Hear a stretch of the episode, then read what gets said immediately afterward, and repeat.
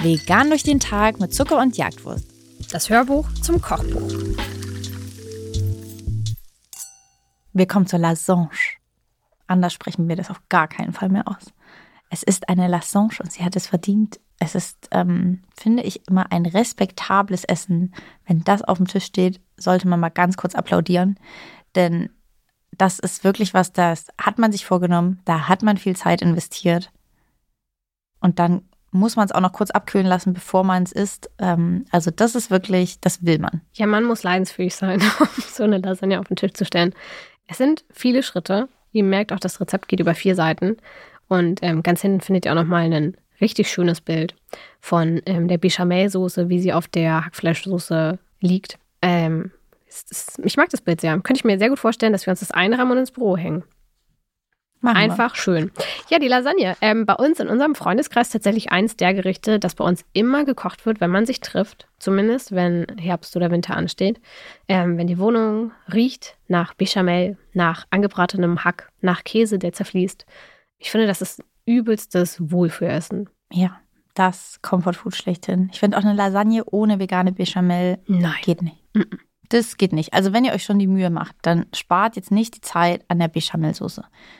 Die solltet ihr auf jeden Fall noch machen. Man kann aber so eine Lasagne auch auf jeden Fall ganz dolle abwandeln. Also auf dem Blog findet ihr so viele Varianten davon, die ihr dann eben auch im Frühling essen könnt. Wir haben nämlich auch zum Beispiel eine Spargellasagne. Wir haben auf jeden Fall eine mit Kürbis für den Herbst. Wir haben auch eine Rainbow-Lasagne, wo jede Schicht eine andere Farbe hat. Noch aufwendiger, aber sehr, sehr lecker. Wir haben auch eine mit Linsen und Spinat, die sojafrei ist. Und wir haben sogar eine Lasagne-Suppe. Das ist tatsächlich der Shortcut, wenn man das Gefühl von einer Lasagne möchte, aber ein bisschen Zeit sparen will. Dann empfehlen wir euch, auf unserem Blog die Lasagnesuppe aufzusuchen. Aber ansonsten könnt ihr, macht ihr wahrscheinlich jetzt auch gerade in dem Moment auch schon, all eure Zutaten bereitlegen. Wie gesagt, es dauert leider und ich finde, das ist auch bei einer Lasagne so, naja, das, was man sich verdienen muss, weil eigentlich ist ja gefühlt das Essen schon fertig und dann packt man es nochmal in den Ofen. Also es ist so, mhm. man aber denkt so, man könnte es ja jetzt schon essen, man muss die Nudeln nur noch kochen und dann wäre alles fertig, aber deswegen ja, aber in der Zeit, die sich verdienen. wo so eine Lasagne im Ofen ist, finde ich, kann man schon mal die Küche aufräumen. Ähm, und das finde ich dann auch wieder geil. Dass man die gegessen auch hat, noch so frech lecker. Wenn man dann gegessen hat, dann merkt, ich muss nicht mehr sauber machen, das finde ich das auch ein King-Gefühl. Das stimmt. Also im Prinzip hat man dann so ein richtiges, das, daher kommt das Wohlfühlessen, wenn mhm. man weiß, die Küche ist sauber. Ein paar Sachen zu diesem Rezept vielleicht nur noch. Die italienische Tomatenwürzpaste Ketchup. Seht ihr hier in der Zutatenliste. Könnt ihr natürlich weglassen, weil es ein absoluter Frevel ist. Aber ehrlich gesagt, Grüße gehen auch raus an Mr. Ketchup. Ähm, Ketchup kommt bei uns immer an Tomatensauce jeglicher Art. Ich, so eine kleine Süße, finde ich, muss da schon rein, ehrlich gesagt. Man mhm. könnte aber auch ein bisschen Zucker ranmachen. Manche geben, glaube ich, auch Marmelade dazu. Mhm. Könnt ihr machen, wie ihr wollt. Ihr könnt es auch weglassen. Also ehrlich gesagt, das ist auch schon wieder so weit weg eigentlich von einem Original. Das werden wir auch in unserem Rezept für vegane Bolognese nochmal merken. Man nimmt so die Begriffe Lasagne und Bolognese auf jeden Fall, die sind gefühlt kulinarisch mittlerweile sehr ausgedehnt. Ähm, wenn man es eigentlich streng nimmt, dann dürften da, glaube ich, sogar gar keine Gewürze in Form von Kräutern rein. Ich glaube, das gehört nicht in eine Bolognese. Naja, wir haben das jetzt so gemacht, wie wir das am meisten mögen. Ihr könnt es natürlich entsprechend abwandeln. Ich habe aber noch eine Sache, die ich gerne erzählen möchte, denn die habe ich auch angespoilert im Introtext auf dieser Seite. Meine traurig lustige Lasagne-Geschichte, die tatsächlich auch mit Mr. Ketchup zu tun hat. Das Diese klingt Person, wie so ein Stofftier, das, das du so genannt hast. yep. Traurig aber wahr. ähm, ich habe in einem Haushalt Lasagne gegessen mit einer Person, die keinen veganen Käse mag.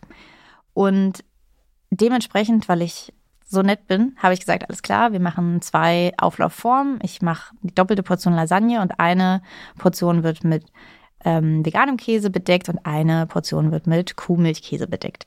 Ähm, wir haben jetzt schon länger erzählt, wie aufwendig das ist. Ich musste auf jeden Fall auch vorher noch einkaufen gehen dafür.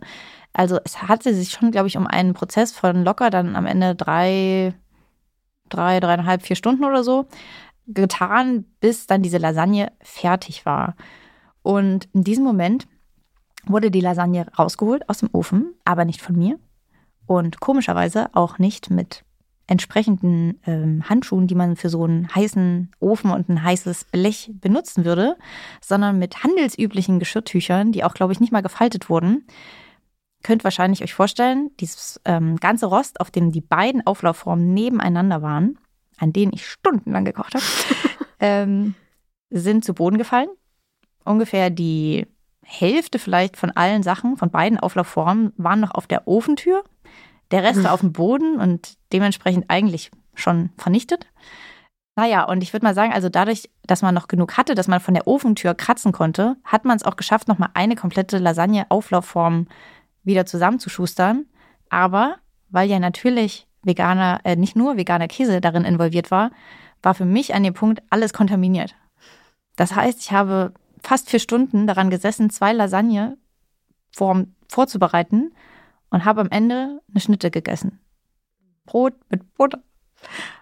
Seitdem habe ich dieses immer, also ich habe da auch noch ein Foto von gemacht. Das sieht ganz scheußlich aus. Ich werde, das ist ein richtiges traumatisches äh, Bild. Das werde ich euch jetzt nicht mehr zeigen, aber ganz lange äh, war ich dann ähm, sozusagen die Einzige, die Dinge aus dem Ofen noch holen durfte, weil ich das ähm, sehr lange Zeit nicht mehr verarbeiten konnte. Deswegen überlegt euch lieber zweimal, ob ihr Personen, die zwar keinen veganen Käse mögen, vielleicht nicht doch sagt, macht doch mal eine Ausnahme, wir machen nur eine Form. Weil dann sind entweder alle am Arsch oder alle haben eine tolle Lasagne. Aber wenn ihr die habt dann, wenn das alles geklappt hat und ihr sie noch aus dem Ofen geholt habt und sie immer noch intakt ist, dann habt ihr, glaube ich, wirklich eins der besten Essen der Welt. Absolut korrekt. Und mit diesem Trauma ähm, entlassen wir euch jetzt in den Kochprozess. Ähm, toi, toi, toi, haltet durch. Ähm, wie Julia schon meinte, es lohnt sich.